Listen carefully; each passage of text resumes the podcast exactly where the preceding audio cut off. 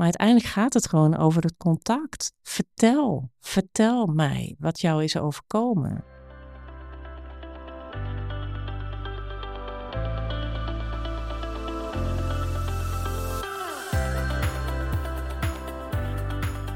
Leuk dat je luistert en welkom bij de Pioniers van de Vooruitgang podcast. Ik ben Volkert Oosting. Dit is de podcast voor iedereen die op een persoonlijke missie is voor een betere en mooiere wereld. Hier hoor je regelmatig gasten die openhartig vertellen over hun ideale wereld. Van moedige wereldverbeteraars, bruggenbouwers, dwarsdenkers, tegendraadse pioniers tot andere passievolle professionals. Ze delen hun persoonlijke inzichten en ervaringen met je. En uiteraard doe ik dat ook zelf over wat mij bezighoudt in mijn persoonlijke missie. Namelijk dat Nederland weer het ruimdenkendste en tolerantste land van de wereld wordt.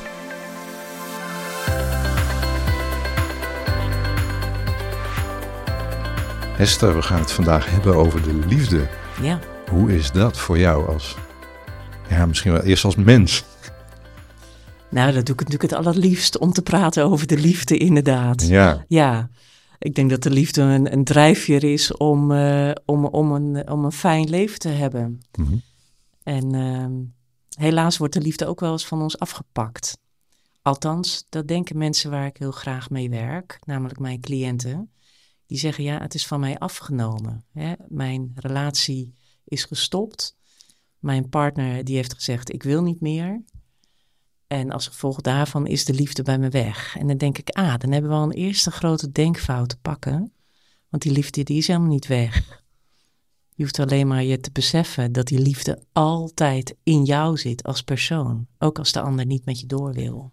Dat is toch wat ze geloof ik zelfliefde noemen, hè? Ja, zelfliefde. En uh, uh, uiteindelijk denk ik dat dat de belangrijkste is in, in, ja, in alle problematiek die ik zie in mijn praktijk. Dus of je nou een depressie hebt, of uh, je hebt een angststoornis, of er is sprake van een trauma. Uiteindelijk denk ik dat mensen de grootste uitdaging moeten hebben in dat ze accepteren dat er leed is in ieders mens levens. Hè? Dus ieder, in ieder mens leven. En uh, uh, uh, dat er ook een grond moet zijn in jezelf dat je van jezelf houdt. Daar gaan we het zo natuurlijk nog veel verder over hebben. Ja. Maar eerst even over al dat leed. We zaten net voor te praten en natuurlijk ook over mijn passie voor muziek. Ja. En dacht ik, en waar luister jij eigenlijk naar? Ah. Waar heb je naar geluisterd? naar wat voor songs of tunes toen jij, nou ja, toen de liefde je was afgepakt? En Oh, nou, ik kon, toen de liefde voor mij was afgepakt een aantal jaar geleden, kon ik eigenlijk helemaal geen uh, verdrietige muziek verdragen. Dus toen heb ik ook maar vooral in heel veel stilte doorgebracht. En ik kon het gewoon niet goed hebben. Hè? Die muziek die raakt direct. Zo dat emotionele stuk in je brein waar al die pijn is opgeslagen. En uh, ik, ja, soms voel je van, oh, ik wil er even naartoe om even heel erg verdrietig te kunnen zijn en heel erg te kunnen huilen. Maar over het algemeen dacht ik, ik kan dat gewoon niet bij hebben. Dit is gewoon te veel. Te veel. En wat deed die stilte dan? Die stilte maakte wel dat ik uh, in meditatie, wat ik toen toch wel heel erg me heb eigen gemaakt, dat, uh, uh, dat, de, dat de stilte iets bracht dat ik naar mezelf kon terugkeren. En dat ik ook wel elke keer probeerde te beseffen, ja, ondanks dat die partner van mij weg is gegaan, is het, is het noodzakelijk dat ik van mezelf blijf houden. En dan hebben we het weer een beetje over die zelfliefde. En ik, ik vond dat wel heel geruststellend in dat mediteren. En dat is ook niet fijn en ook niet makkelijk. Maar ik weet wel dat als ik dan uh, een hele verdrietige dag doormaakte, omdat ik vreselijk mijn ex miste, dat ik wel dacht van, oh ja, als ik nou even zo meteen ga mediteren, dan wordt het even wat stiller in mijn hoofd. En was dat, dat, was dat ook het moment dat jij dacht, hé, hey, ik ga iets als psycholoog doen met liefdesverdriet? Ja, dat was wel een, een periode daarna, want ik moest ook wel uh, door die hele pijnlijke rouwverwerking heen. En uh, uiteindelijk besefte ik me van, uh, ik ben toch niet de enige weldenkend mens die, um, die zoveel last heeft van een hartebreuk. Uh, Waarom noem je dat zo, een hartebreuk? Uh, ja, ik voelde echt alsof mijn hart uit elkaar werd gespleten. Ik had echt, echt letterlijk pijn in mijn borst, weet je wel, in mijn hartstreek. Deed echt, deed echt gewoon lichamelijk zeer. Ehm, en toen ik uiteindelijk uh, via professionele hulp gelukkig ook uh, dat hele rouwverwerkingsstuk achter me had gelaten, dacht ik, eigenlijk wil ik dit voor mijn werk kunnen doen. Eigenlijk wil ik dit voor mijn cliënten kunnen doen, dat ik cliënten help bij hun liefdesverdriet. Dat is wel interessant, want ik hoor jou eigenlijk in één adem zeggen liefdesverdriet en rouw. Ja, ja, liefdesverdriet is rouw. Ja, ja. Hetgeen wat je is, uh, wat jou heeft lief gehad, namelijk die partner, en jij hebt diegene lief gehad, uh, die relatie is over. En dat is een verlies. En als we geconfronteerd worden als mens met verlies, dan hebben we dat te verwerken. En dat noemen we dus rouwverwerking. Ja, dus dat, is, dat, gaat, dat gaat ook over. Um, dat kan ook gaan over iemand die je letterlijk verliest, die overlijdt, of uh, ja. baan. Of, uh... Oh, er is echt superveel rouwverwerking. En ik zou echt bijna pleiten voor dat we als professionals, maar ook als mensen onderling, dat we erkenning geven voor rouwverwerking op allerlei gebied. Uh, de baan die van ons af is gepakt, omdat we een reorganisatie hebben.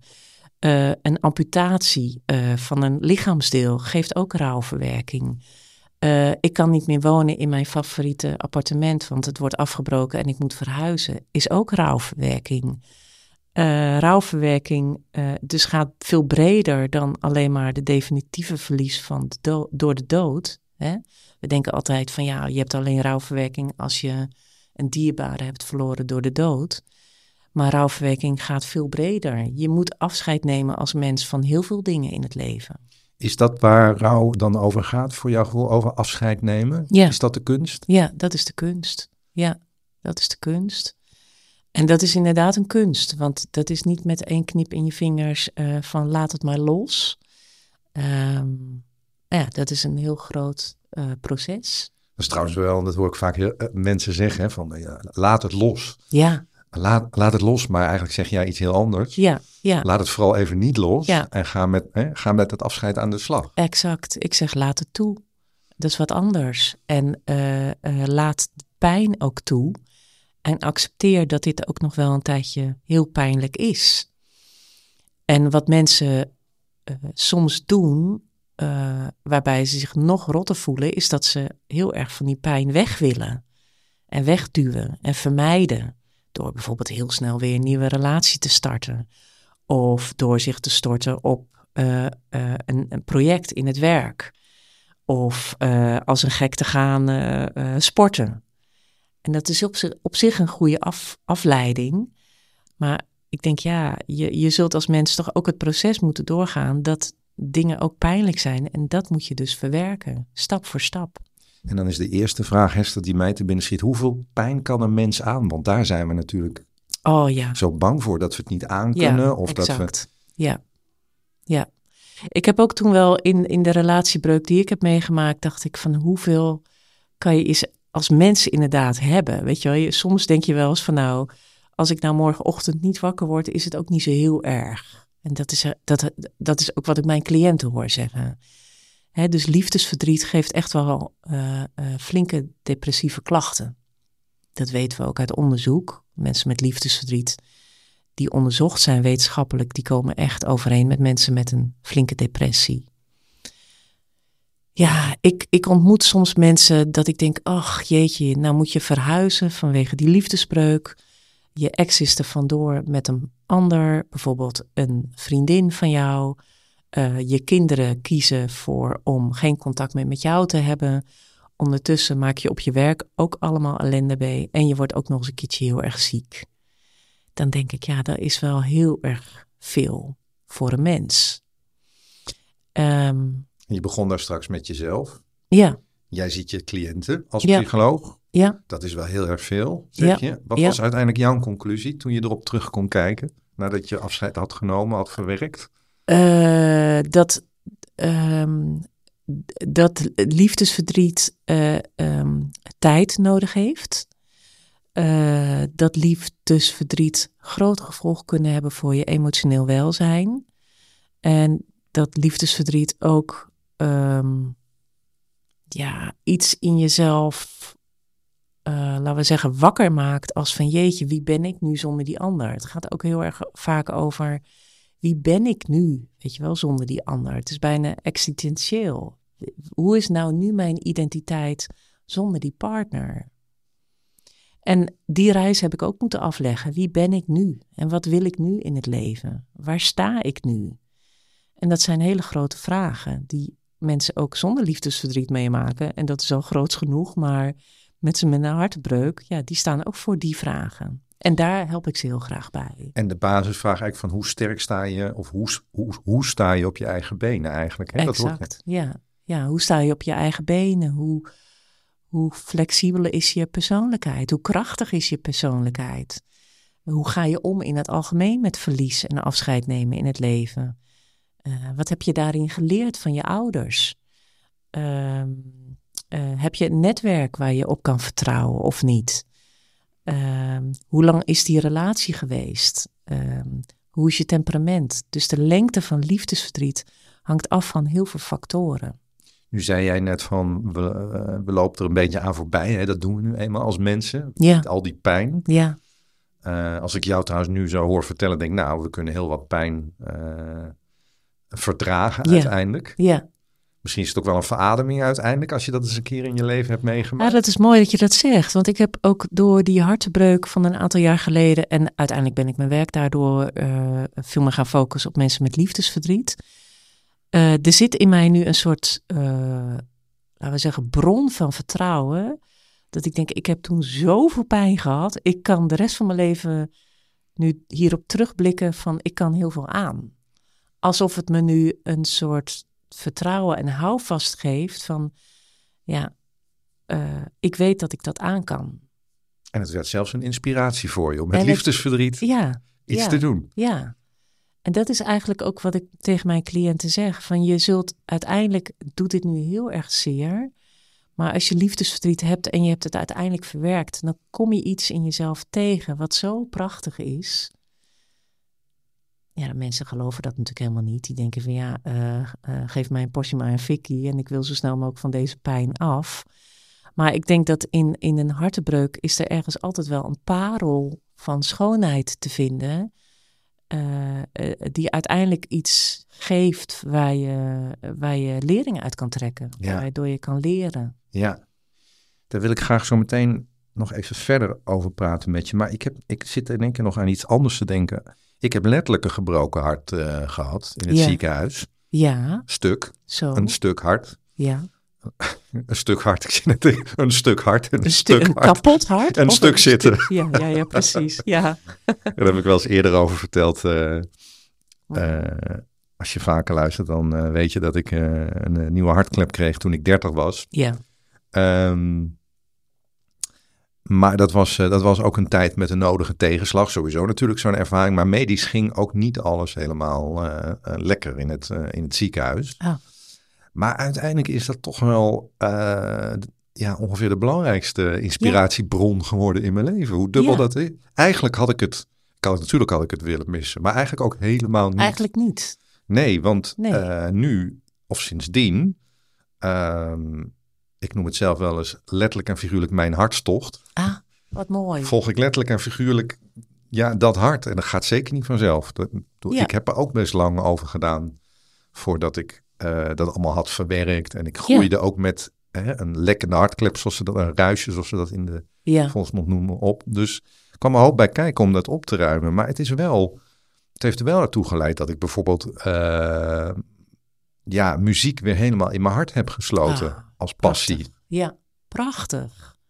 Ja, dus je, je blikt er ook op terug dat, dat eh, de, de onzekere tijd die die lekkende hartklep heeft teweeggebracht, een operatie, eh, de spanning, eh, nou ja, al die dingen die daaromheen zitten, die geven jou nu een, een, een drijf, in jouw geval, om de muziek weer te omarmen en die altijd te blijven omarmen. Ja, Ja, prachtig. Ja, ja, en weet je Hester, wat ook wel bijzonder is, dat het ook mij ehm, heeft geïnspireerd om dingen te doen die ik eigenlijk helemaal niet durf. En dat bedoel ik Ah. niet in één keer gaan bungee jumpen, want dat durf ik nog steeds niet. moet er ook niet aan denken. Nee. Nee. maar dan, dan, ja, dan heb ik het wel bijvoorbeeld over, nou ja, eh, ook ik heb best wel een lang therapie gevolgd om dit hè, deze ervaring op te ruimen. Dat vraagt ook een soort van moed. Dat vraagt ook. Dus het heeft. Ik, ik zou mijzelf wel. Uh, ja, ik zou wel van mezelf durven zeggen dat ik daar mentaal een soort van moedigheid in heb gekweekt. Prachtig. Ja. Ja. Ja, ik herken dat wel. Dat heb ik ook bij mezelf toen ik door die, door die verlieservaringen heen heb geploeterd, bij wijze van spreken. Um, ik, en ik, ik vind ook mijn cliënten allemaal zo ontzettend dapper. En zo moedig. Ik bedoel, ze komen naar me toe omdat ze hulp nodig hebben. Maar uh, ja, ze komen dan bij mij en ze moeten mij maar zien te vertrouwen. Um, en ze moeten dat hele verhaal aan mij kwijt. Uh, en, en, en ze geven letterlijk een kijkje in hun eigen keuken. Ja, dat, dat vind ik echt zo groot fascinerend ook wat er vaak in mijn praktijkkamer gebeurt. Dat mensen al dat vertrouwen bij mij leerleggen. Dus als we het dan hebben over de passie, hè, waar we het eerder over hadden. Ik denk, ja, maar dat is geloof ik toch echt waarom ik het doe. Waarom ik ook iedere ochtend toch weer opsta van, maar ik wil echt vanuit mijn hart die mensen helpen. Ze, ze hebben hierop gewacht. Mensen moeten vaak wachten op een gesprek, vanwege de eindeloze wachtlijsten. Um, maar ik denk in de, in de dialoog met de ander is het, is, het, is, het dat, is datgene wat we als mens nodig hebben. Dat we gedragen worden door de ander en dat er erkenning is voor die pijn. Dus wat ik zelf ervaar, ervaar jij ook dat uit die pijn van dat liefdesverdriet waar jij net over had, dat daar jouw passie uit is geboren? Ja, eigenlijk wel. Eigenlijk wel, want ik was, uh, ik was ook voor die liefdesbreuk ook al gewoon gezondheidszorgpsycholoog met een eigen praktijk. En daarvoor was ik zelfs kinder- en jeugdpsycholoog. Dus ik heb ook heel veel kinderen gezien en behandeld en hun ouders. En... Maar ik, ik dacht, ik moet iets doen wat veel dichter bij mij ligt. Weet je, waarvan ik voel ah, dat ik snap waar je het over hebt. Als ik een cliënt heb die zegt, ja Hesse, ik wil eigenlijk, diegene is bij mij weg. En ik voel gewoon dat ik iedere dag doorstrompel. Dan zeg ik, ja, maar dat snap ik wel. Dat snap ik wel. Maar weet je, we gaan een plan maken, jij en ik. En we gaan ervoor zorgen dat je in ieder geval vandaag doorkomt. En morgen kijken we weer hoe je morgen doorkomt. Dus stap voor stap neem ik ze als het ware door het rouwproces heen. En ik pretendeer niet dat ik nou een geweldig super, uh, supergoeie psycholoog ben. Maar ik, ik geloof wel dat ik goed ben omdat ik ze snap. Omdat ik de erkenning kan geven. Maar wat maakt dan voor jou een, super, een, psycholoog supergoed als jij het al niet bent?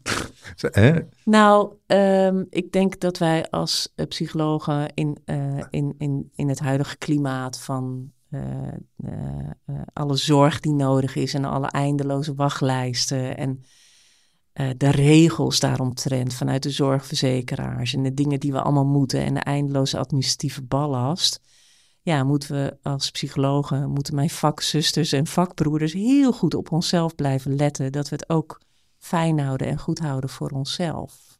Ja. Um, Want jullie hebben natuurlijk, nou, je hebt natuurlijk ook enorm veel administratie en zo te regelen. Ja. Maar ondertussen heb je wel uh, te dealen met, ja, uh, al die pijn van uh, je cliënten. Ja, ja. Um, en je zei net van, ja, ook voor jou geldt dat die passie uh, voor een deel, als het gaat over dat liefdesverdrietstuk, uh, uit, uit die pijn van jezelf is, is ontstaan. Ja, ja, ja. Hoe is het dan om ehm, elke dag weer in de spiegel van al die mensen te kijken, die ziel en, en alles wat daar om. Je, je bent natuurlijk hè, een professional, dus je leert daar, stel ik me zo voor, door de jaren heen wel mee dealen. Maar ja. ik heb ook wel eens een chirurg of een dokter iets horen zeggen over van ja, ergens blijf je zelf ook uh, uh, mens. Ja, ja, gelukkig maar. Ik, ja, de vraag is hoe ik dat doe. Ja. Um, nou, ik, uh, ik zeg niet dat ik, het, dat ik iedere ochtend juichend om half negen mijn eerste cliënt ontvang. Zo van, oh yes, vandaag weer.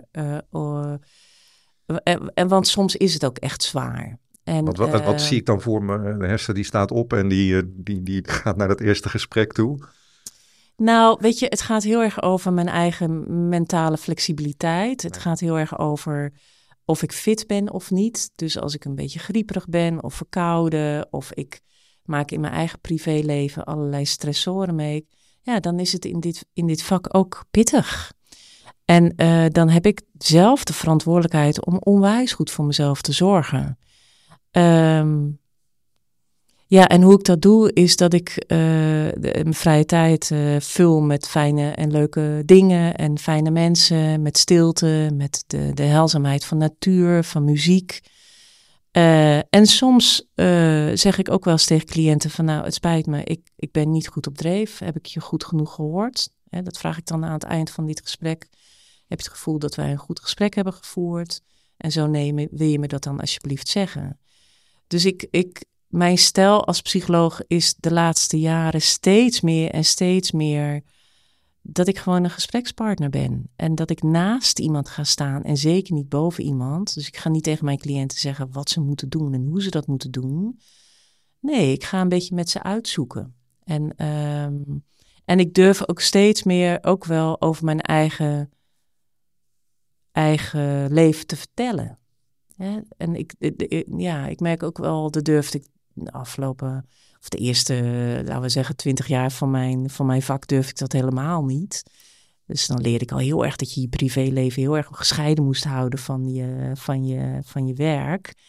Maar inmiddels ga ik ook wel tegen cliënten zeggen van, oh joh, ik heb dat ook meegemaakt. En... Zou het kunnen zijn, Hester, want jij hebt het nu even over jouw werk hè, als, als professional. Ja. Maar vinden we, uh, dit is een beetje retoriek, want ik zeg ja, uh, de, de, de vraag die ik nu ga stellen. Vinden, ja. we, vinden we het überhaupt niet een beetje lastig uh, met onze vrienden of de mensen die we kennen of collega's op de werkvloer om te vertellen wat ons echt bezighoudt? Ja, dat denk Persoonlijk ik wel. bezighoudt. Ja, dat denk ik wel. Ik vind in het algemeen dat er veel te weinig vragen worden gesteld. Ook onderling bij vrienden en familie merk ik nog wel eens dat uh, uh, ja, veel mensen nogal geneigd zijn om uh, veel over zichzelf te praten. en een beetje zo'n hun, hun wereldbeeld over de ander heen storten. En ja, ik zou er bijna voor pleiten dat op de middelbare school er een vak ontstaat dat kinderen leren te vragen. Stel een vraag aan de ander en luister. Luister van, hey, hoe is het met je? hey, ik zie dat je een beetje, uh, een beetje veel aan het gapen bent. Uh, hoe komt het dat je zo moe bent? Vertel eens. Dat je echt de empathie vergroot van jongeren, uh, dat, ze, dat ze plek nemen, een plek geven voor de ander om te vertellen. En dat is eigenlijk niks anders wat ik doe in mijn werk. Natuurlijk heb ik al mijn theoretische kapstokken en ik heb al mijn trucs en ik kan EMDR en schematherapie en alles en alles. Natuurlijk heb ik dat allemaal in huis. Maar uiteindelijk gaat het gewoon over het contact. Vertel, vertel mij wat jou is overkomen. Is dat ook misschien wel waar we, daar hadden wij het straks nog even bij de koffie over. Waar, de, waar, de, waar, waar, waar jongeren of mensen die zich eenzaam voelen, ja. nu een, ja, enorm veel behoefte aan hebben. Ja. Ik, voor mijn gevoel wel. Voor mijn gevoel ook. We hadden het over inderdaad de lockdowns en dat studenten zo in hun eigen studentenkamertje maar het moeten uitzoeken van achter hun laptop. En dat het enige contact met de buitenwereld is dat het online is. Nou ja, er is natuurlijk zoveel vereenzaming ontstaan. Uh, dus ik, ja, ik, ik, uh, um, ik zou er wel voor pleiten dat we wat meer gewoon aan onze buurvrouw of buurman vragen: hey, hoe is het eigenlijk met je? Dus we moeten gewoon praatpalen gaan slaan, eigenlijk door ja, het hele land. Dat zou mooi zijn, inderdaad. Praatpalen, ja. dat we met elkaar gewoon in gesprek kunnen blijven. Ja. Ja. Dat zou mooi zijn, ja. Te weinig. Ben jij het wat dat betreft? Ik wel. Eens met, uh, met uh, ik geloof dat het de wachter is, de psychiater uit België, die zegt... Ja, als we meer naar elkaar omkijken op deze manier en naar elkaar luisteren... Exact. dan zitten onze wachtkamers ook niet zo vol. Exact. Vroeger hadden we de kerk. En, en, en ja, die is weggevallen. En als je nu ziet hoe de, de wachtlijst voor de GGZ toenemen... dat is echt schrikbarend. Het is een crisis in GGZ-land... Mensen die staan echt een half jaar, drie kwart jaar soms met hun kinderen op een wachtlijst. Ja. En kunnen wij daar als volwassenen iets in doen? Ik heb steeds meer het gevoel dat ik jongeren, nou ja, uh, uh, wil helpen. Ja. Maar ik realiseer ook dat, ja, als volwassene, um, en jij hebt volgens mij ook jongeren in je praktijk. Uh, ja. ja, dan denk ik als eerste van, ja, nee, maar weet je, dat is een oude lul of... Um, maar kunnen wij als volwassenen, los van ons eigen gezin, daar toch nog iets extra's aan doen door met jongeren in gesprek te gaan? Ja, ja, ja. Ja, dat denk ik wel. Ik denk dat we daar veel meer oog voor hebben. Ik denk ook dat eigenlijk het beste antidepressivum voor mensen is dat je de ander helpt. Dat klinkt een beetje gek, hè? We kunnen natuurlijk een pil slikken, antidepressivum, of je kan uh, gaan sporten. Heel belangrijk dat je dat ook doet als je depressief bent. Maar als je depressief bent, ik zeg vaak tegen mijn cliënten, joh, ga eens kijken in de straat via zo'n app Nextdoor of je voor iemand boodschappen kan doen. Want daarmee duw je jezelf ook een beetje weg van je eigen leed. Ja. En mensen helpen is echt wel, uh, is goed, is belangrijk. Ja. ja, geeft jezelf een soort boost in, oh ja, ik kan ook iets voor de ander betekenen. Ja. Ja. En um, wat, wat, wat, wat merk je nou bij de jongeren die jij spreekt in jouw uh, praktijk? Ja. Wat, wat, wat zie je als je met ze praat? Ik zie dat in de coronatijd heel veel jongeren heel erg depressief waren. Uh, omdat hun sociale netwerk gewoon wegviel. Um, we hebben als hè, in de ontwikkeling van een mens hebben we natuurlijk allemaal primaire behoeftes. En een van de primaire behoeftes is dat we onderdeel, onderdeel willen zijn van een groep. En als die groep wegvalt, uh, ja, dan, dan, ja, dan, dan valt er gewoon heel veel weg als het gaat over van ja, uh, wie ben ik en wat wil ik zijn. En dat je jezelf kan horen praten over een aantal dingen. Dus ik heb heel veel jongeren heel depressief toen zien worden. worden. Ja. En ook hier geldt, ja, ik heb een, een beetje een hele gekke vergelijking in mijn hoofd van wie wil ik zijn. Hè, we begonnen net ook in het gesprek over liefdesbrief, van wie ben je dan? Ja. Als ja. het zo zwaar wordt en, Ja. en, en zo, als je zo eenzaam bent. Ja, Ehm, en jongeren hebben natuurlijk ook veel te maken met liefdesverdriet. zeker, zeker. Ja, ja.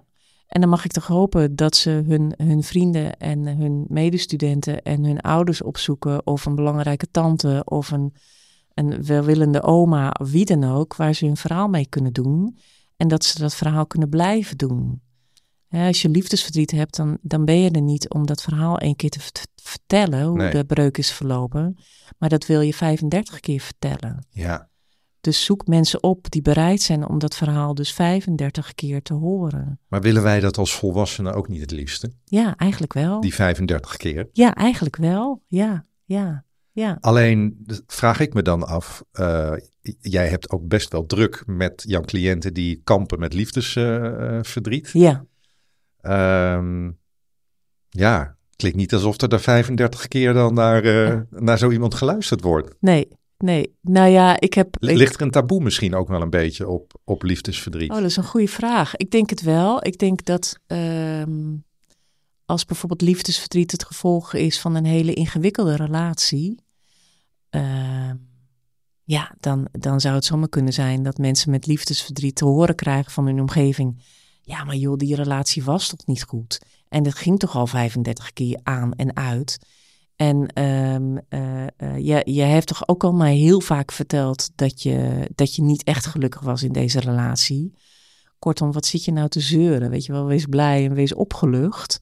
En tegelijkertijd denk ik, ja, je moet dat als een omgeving eh, niet te snel zeggen. Je moet echt een beetje op je tong bijten. Om eerst gewoon heel veel erkenning te geven voor ook het verlies. Ook het verlies van de ruzies.